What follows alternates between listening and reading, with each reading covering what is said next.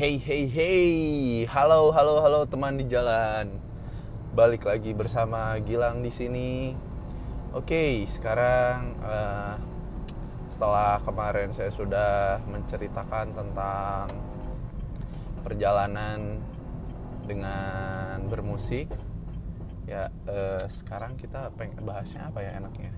Ya kebetulan belum kesampaian juga untuk membuat si sosial medianya biar saya tahu di mana saya bisa mendapatkan teman di jalan biar bisa bareng-bareng.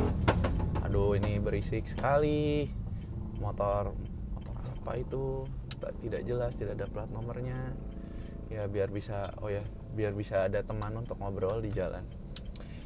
Ternyata masih belum ada yang banyak yang mendengar juga ya iyalah ngapain harus dengerin orang ngalor ngidul ngobrol nggak jelas kayak gini ya eh, kebetulan ini saya sudah pulang kantor uh, saatnya menjemput istri di daerah Pasteur dari Cimanuk. Uh, ini uh, sangatlah kayaknya saya bakal ngambil arah arah mana ya enaknya ya? Kayaknya ngambil arah ke Cikapayang saja supaya lebih enak. Soalnya kadang lewat lewat si Cihampelas bawah itu macet. Dan kalau sore tuh diputar arahnya jadi masuknya ke jalan Oten tidak lewat yang lurus gitu. Jadi pas di perempatan Cihampelas biasanya kan kalau pagi atau siang itu biasa bisa lurus. Tapi kalau sore ke maghrib ini saya jemput jam 17.50 sore ke maghrib tuh udah diputerin ke arah yang Ciamplas bawah supaya mungkin mengurai kemacetan atau apalah. Jadi eh, saya jadinya ke Dago saja supaya bisa belok di Dayang Sumbi. Eh nggak ding. Ya betul di Dayang Sumbi. Lalu masuk ke Babakan Siliwangi terus nantinya muternya ke area area PVJ bawah. Tapi sebenarnya sama aja sih nanti juga di PVJ lagi ke atas tuh kayak menarik gitu itu kosong tapi pas nanti udah mau turun ke Cihampelas ini udah eh, apa sih Pasopati. Pasopati tuh ke dari yang arah eh, gedung sate. Gedung sate itu kosong tapi pas nanti pas turun tuh suka padat makanya saya agak sedikit ragu untuk naik ke atas. Temptation sekali gitu ya menguji kesabaran di sana. Oke ini biasa uh, ngantri di lampu merah Cikapayang. Habis ini belok kanan masuknya ke jalan Insinyur Haji Juanda. Ya oh iya tadi ada yang ini juga sih uh, tentang yang bermusik ya nyambung yang kemarin. Ternyata ada juga fans yang dulu dari Angsa Serigala gitu. Pengen uh, kumpul lagi reuni lagi yang personil lama. Karena uh, katanya kan ada resolusi baru gitulah gitu pengen pengen ada suasana baru tuh angsa dan serigala. Dan uh, dia si fans ini ngomong di mention tuh orang-orang lama pengen dong balik lagi kayak dulu reunian. Uh, untuk dengar wah keren juga nih kalau nanti ada diundang-undang lagi. Saya sih senang-senang aja main. Soalnya ya udah lama juga nggak manggung. Ya tapi konsekuensinya harus latihan supaya di atas nggak prat prat prot nggak jelas gitu biar uh, biar tuning lagi deh. Nanti kita coba lihat. Dan ya hari ini Bandung tanggal berapa ya ini? Tanggal 9 9 Januari 2020 mendung dari pagi hujan gerimis dari pagi uh, kayaknya sih dari subuh juga sih dari subuh hujan gerimis sampai sekarang pun masih mendung tadi sore hujan gerimis. Alhamdulillah tidak besar lagi soalnya sekarang tuh uh, cuman beberapa jam juga udah udah udah airnya udah terlalu banyak menggenang dan bisa berakibat banjir juga untuk beberapa daerah. Kalau misalnya daerah sini sih tidak terlalu terasa tapi ada air yang yang ngalir deras juga gitu kalau misalnya ada hujan. Ini tadi hujannya ringan uh, cukup untuk membasahi kota Bandung tanpa berakibat fatal dan segar sekali. Tadi pagi juga pergi jam 9an segar banget itu. Nggak kayak yang biasanya gitu kan panas. Gimana? Itu kayak kita waktu SD ngalamin hujan pagi-pagi mau sekolah oh itu enak banget. Paling enak tuh untuk bobo jadi di, tapi waktu SD tuh nggak kepikiran buat tidur karena kalau kayak gitu kayak asik aja gitu ke sekolah main dengan udara yang sejuk. Tapi kalau sekarang sih kayaknya enaknya masih selimutan di kasur yang kerjanya siang tuh enak itu bisa tiduran dulu. Tapi sekarang nggak bisa sih kayak gitu ini saya masih nyalain time doctor saya karena bekerjanya itu pakai time sheet jadi harus tetap stay tune 7 jam. Saya harus jemput tapi ya udah standby aja di komputernya di laptopnya dinyalain. Ini tuh daerah eh, Dago. Masih tetap sama sih sebenarnya di sini tidak ada jalan yang diubah-ubah. Tapi ya itu pas udah lurus terus Taman Sari Cihampelas wah udah deh gawat. Udah diputar-putar makanya kalau bukan orang Bandung pasti agak sulit untuk pertama kalinya karena uh, yang orang Bandung pun uh, untuk nyari jalan uh, apa ya jalan alternatif tuh bakal susah banget apalagi yang pakai mobil. Karena kan kalaupun jalan alternatif banyaknya pakai motor kalau di sini jadi agak susah untuk salap selip. Alhamdulillah sih saya masih hafal gitu jalan-jalan tembusnya. Jadi ya masih bisa lancar lah kalau ke mana-mana. Terutama ya daerah sini sih yang uh, di rekayasa lalu lintasnya yang dibuat. Nah ini masih macet. Kayak kita bahas apa ya enaknya? Oh iya uh, akhir-akhir ini tuh banyak banget saya baca kasus di Twitter tentang pembunuhan-pembunuhan ngeri juga gitu yang ada bukan pembunuhan juga sih kriminal dan ya ada kriminal ya karena saya bacanya pembunuhan dan pemerkosaan. Yang serem tuh ya itu pemerkosaan cowok gitu ya yang e, bisa dibilang gila banget sampai bisa nggak kedeteksi dari 2017 baru bisa sekarang keputusannya tiga tahun kalau nggak salah ya saya baca 2017 sih. Dia tuh e, ketahuannya. Jadi namanya tuh kan si siapa ya Reinhard Reinhard kan gitu Reinhard Sinaga. Dia sampai kasusnya sampai 190-an kasus dan korbannya sebanyak 48 dan di antaranya itu pernah berulang. Itu ngeri banget. Kamu tiba-tiba diajak minum sama seseorang gitu.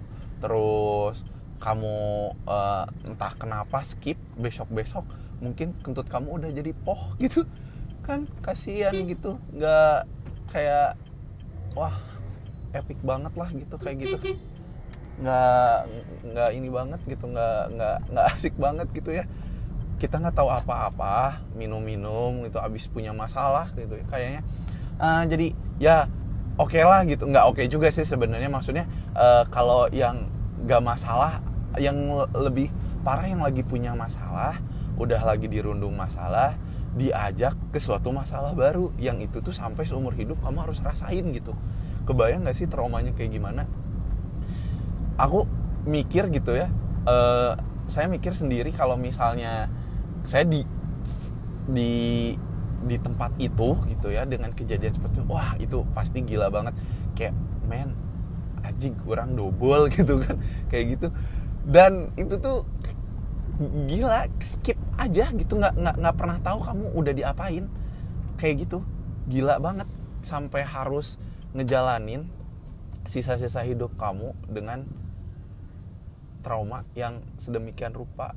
Dan itu obatnya sampai kamu sendiri nggak tahu lagi ngapain gitu pada hari itu.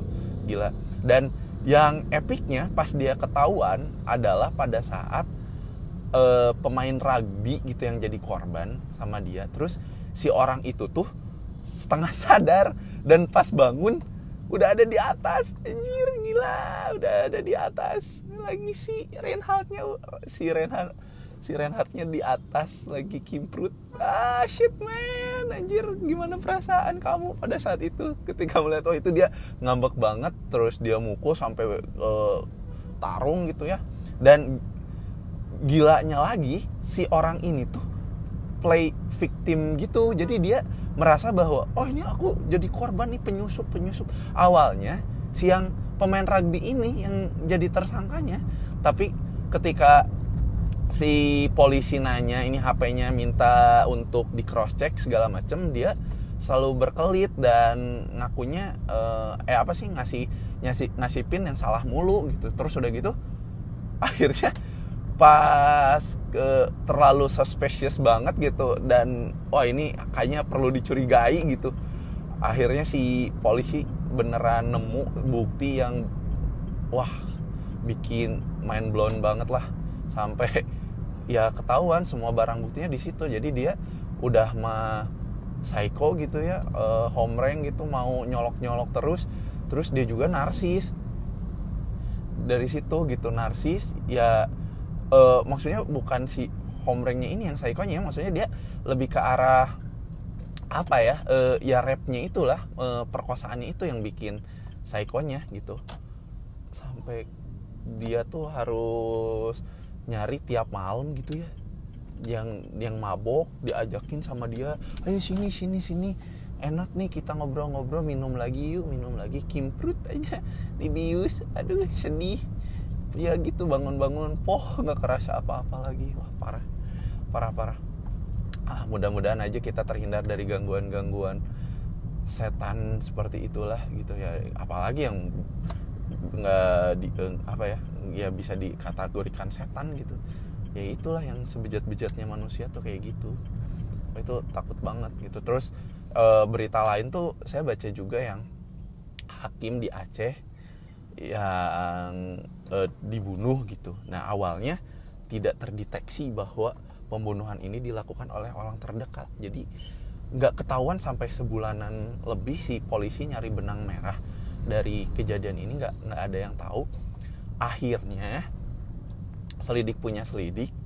Ternyata yang ngebunuhnya adalah istrinya sendiri men. Soalnya eh, kenapa nggak diselidiki istrinya? Karena nggak ada masalah apa-apa awalnya nggak ada motif apa pun katanya sih gitu gitu. Jadi nggak ada tentang harta ataupun eh, awalnya ya nggak ada masalah harta dan segala macamnya. Jadi istrinya tuh kayak kehilangan banget kayak kehilangan banget oh apa apa gitu ya. Udah udah kelihatan sedih banget lah di mobil di mana katanya. Jadi jenazah dikebumikan pun istrinya masih histeris untuk kayak ini adalah harta yang berharga banget buat dia gitu si suami ini. Uh, jadi istri ini tuh adalah istri kedua dari almarhum hakim. Jadi si hakim ini nggak tahu udah nikah dua kali apa pertamanya udah pass away atau ya nikah lagi nggak tahu. Cuman istri istri ini tuh istri yang keduanya lah gitu. Dan yang curiga tuh anaknya anaknya yang dari istri yang pertama sebenarnya belum belum curiga cuman pas ditanya-tanya ada hal yang nggak sinkron gitu kayak pagar rumahnya dijebol segala macam. Padahal kata anaknya sendiri ah enggak nggak ada apa-apa nggak diganti nggak diganti gimana nah dari situ ya itulah gitu. Se se apa ya serapi rapinya kejahatan insya Allah sih kalau emang udah Tuhan udah apa ya udah ngasih bahwa nih udahlah e, dibongkar ya udah sih ketahuan juga akhirnya. Dan ternyata itu istrinya. Istrinya motifnya tuh karena dia nggak mau dicerai. Dia tuh nggak mau dicerai terus sakit hati nggak tahu kenapa lah permasalahan rumah tangganya.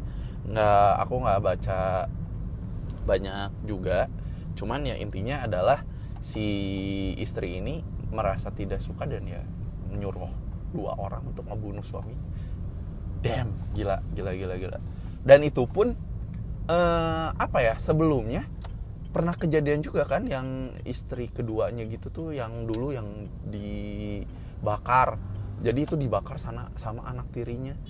Gila nyuruh pembunuh untuk ngebunuh uh, suami sama anak tirinya. Dan dibakar gara-gara kalau yang itu e, istrinya tuh punya hutang terus suaminya nggak mau ngasih e, ngebayar si hutang si istrinya tersebut. Wah parah banget. Terus e, lain kasus sih ada yang di NTB itu juga parah yang ngebunuh orang terdekat lagi. Kalau yang tadi kan dua-duanya adalah istrinya yang saat ini adalah suaminya. Jadi eh, ceritanya tuh ada mayat mayat perempuan gitu. Jadi perempuan ini tuh si korban ini adalah eh, pejabat eh bukan pejabat ya dia pegawai PNS di sana. Terus udah gitu si su eh bukan eh, udah gitu dia tuh jadi korban mutilasi. Si badannya itu ada di kulkas kulkas terus kepalanya ada di eh, es box gitu. Jadi itu eh gila dipecah apa ya dipisah-pisah gitu di bagian ini kepala di sini di icebox terus si eh, tangan kakinya di kulkas gitu segala macam. Itu a- a- a- saya nggak nggak nggak habis pikir gimana gitu ya dia sak- setega itu gitu untuk ngepotong-potong istrinya sendiri dalam keadaan itu nggak tahu sadar nggak tahu nggak gitu. Dan yang twistnya itu si suaminya katanya sih menemukan mayatnya pada saat dia tuh mau jumatan. Terus uh kecium bau busuk. Terus dia nyari di mana ini? Di mana? Ternyata ada di satu rumah kontrakan ditendang pas ditendang wah ini mayat mayat. Jadi dia sama gitu kayak nggak tahu apa-apa seolah-olah dia menemukan barang bukti itu tanpa eh, tahu gitu bahwa istrinya tuh emang hilang gitu selama beberapa hari dan langsung udah jadi mayat gitu. Udah ada di mutilasi lah sedih lah gitu kayak gitu dan ya alhamdulillah polisi juga bisa menemukannya juga eh, yang siapa yang salah di sini. Ya itulah yang salah yang si suaminya. Karena pas ditanya ada hal yang tidak cocok lagi. Terus pas eh, udah gitu eh, ketahuan lah ketahuan lah eh, bahwa si si suami itu motifnya cemburu karena si istri ini tuh udah pernah nikah kalau nggak salah. Jadi nggak tahu cemburu karena apa saya nggak baca lanjut. Pokoknya saya intinya gitu aja sih yang seram-seramnya. Ya begitulah dunia kriminal ya. Kita pun harus waspada gitu karena di mana pun kita berada nggak tahu orang sakit hati bisa aja berbuat nekat. Entah itu eh, orang lain gitu ya nggak dikenal. Apalagi sama orang terdekat gitu yang kita kenal sendiri selama ini. Tapi ya kalau memang sudah niatan karena eh, itu semua ya kita nggak ada yang tahu. Makanya ya kita hanya berserah diri saja kalau misalnya kejadian atau apa ya. Karena kita juga nggak bisa menghindar ya.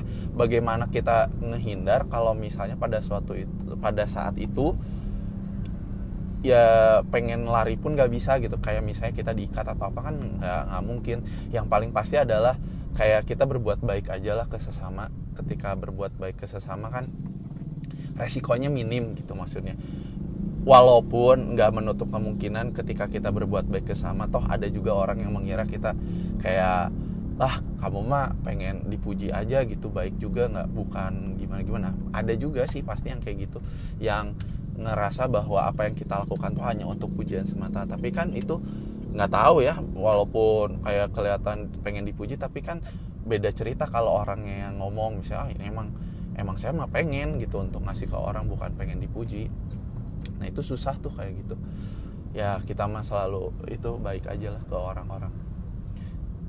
Nah itu pun ada kaitannya sama tweet yang saya baca tadi tentang Tuhan yang terpojok gitu ya. Asalnya sih saya nggak ngerti itu apa sih ceritanya gitu ya karena baca dari headline-nya doang. Pas dibaca-baca seru juga. Jadi ada suatu cerita eh, anak yang kuliah gitu dia tuh ya kuliah. Kuliah terus dia tuh masih kuliah terus pada saat itu tuh dia beneran seret banget nggak punya uang dan dia untuk makan pun ya itu susah gitu ya. Dia pengen makan tapi susah saking susahnya. Dia sampai eh, saat itu dia sholat subuh gitu ya. Eh, sholat subuh minta gitu ya dengan yang biasanya bolong dia beneran pengen banget gitu minta sama Tuhan bahwa eh, bahwa dia hari itu beneran lapar pengen makan gitu. Jadi dia ngomong ke eh, Allah gitu ya ya Allah coba gitu eh, tunjuk apa ya. Pokoknya intinya adalah si dia tuh pengen uh, ngebuktiin bahwa tuh gitu ibu saya dulu waktu sering banget nge ngasih apa anak-anak muridnya yang ibu saya dulu guru SD inget nggak ya Allah katanya.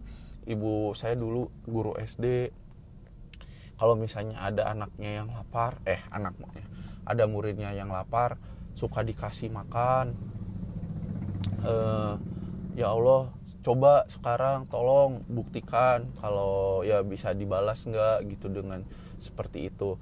Nah waktu itu uh, dia udah aja kayak gitu udah uh, hopeless lah gitu. Eh nggak hopeless ya berarti kayak gitu punya harapan.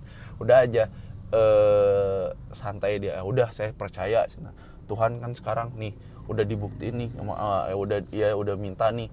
Katanya uh, kalau dulu kan orang tuanya ibunya suka ngasih. Nah sekarang harusnya dibalas dong gitu. Jangan jangan sampai enggak. Nah dia gitu dia uh, masuk aja ke suatu warteg gitu ya di di daerah Bandung kalau nggak salah dia kuliahnya tuh. Ya di Bandung tadi bacanya terus di warteg uh, ada dia makan makan makan sama kuahnya. Jadi dia cuman makan sama kuah-kuahnya doang dan tempe tempe orek. Nah terus pas saat itu tuh uh, ada tentara yang ngeliatin dia gitu kayak matanya sangar lah gitu. Ya Allah gitu kalaupun nggak ngasih uh, dia udah udah takut kan karena udah nggak punya uang lagi. Ya Allah kalau uh, dia tuh kalau nggak salah itu nyoba gitu dengan tanpa uang sepeser pun.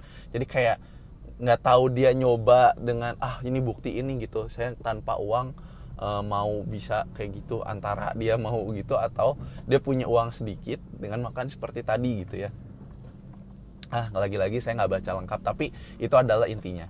Uh, terus si uh, dia diliatin kan sama yang tentara tadi. Eh uh, diliatin aja. Terus ditanya-tanya eh orang mana kamu?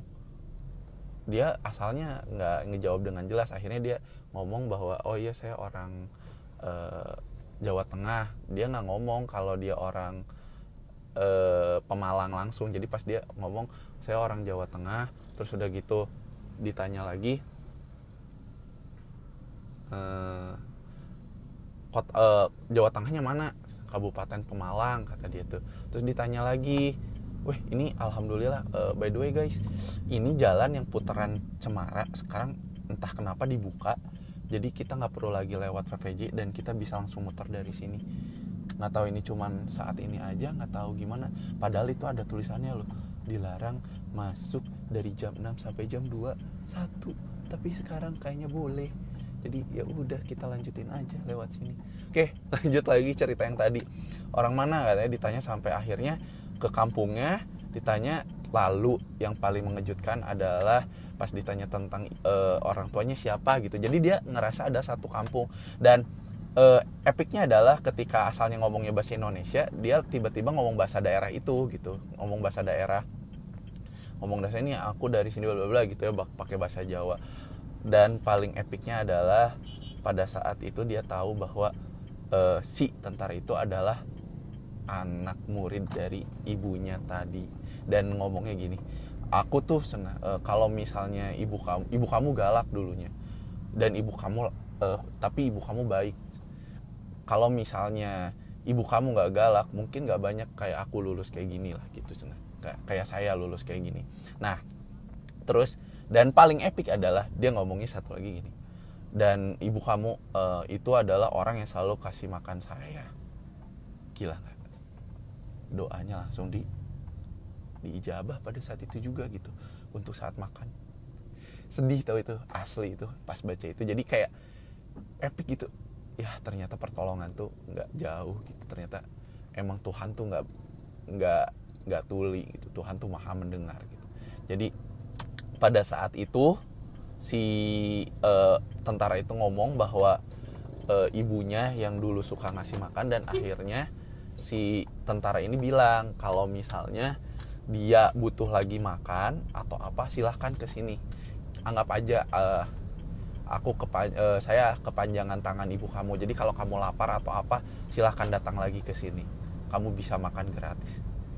Gila gila gila. Makanya tadi tuh bener banget ibu ibu saya pun ngomong kayak gitu selalu baik ke sesama karena kita tuh kayak nitipin lah nitipin diri kita gitu di tempat di mana pun. Jadi ibu selalu baik gitu ke orang-orang sekitarnya karena ngerasa bahwa ibu tuh tahu gitu di suatu tempat kamu pasti kayak gini juga gitu. Maksudnya di satu tempat tuh kamu bakal nggak tahu lagi orang-orangnya siapa tapi kamu uh, dengan ibu berbuat baik kayak gini harapannya adalah orang pun bakal baik ke kamu gitu.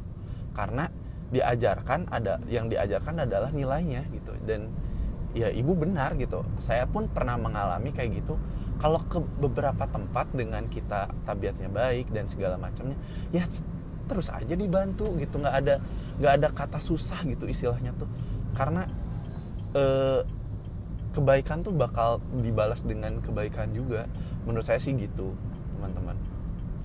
Jadi eh, inti ceritanya ya tadi adalah apa pun yang kamu lakukan itu bakal berdampak lagi balik ke kamu. Baik itu jahat baik itu baik itu bakal balik lagi.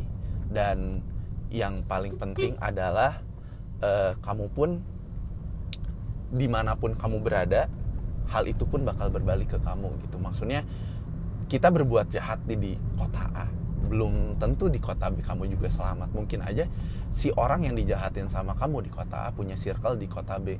Makanya itulah kenapa kebaikan bakal ataupun keburukan bakal balik lagi datangnya ke kamu.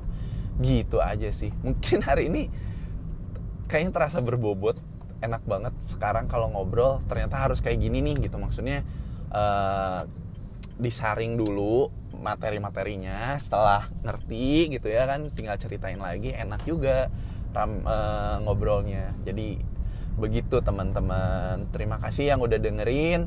Stay tune terus nanti di episode podcast berikutnya. Bye bye sekarang udah mau nyampe uh, si tempat kantor istri. Dadah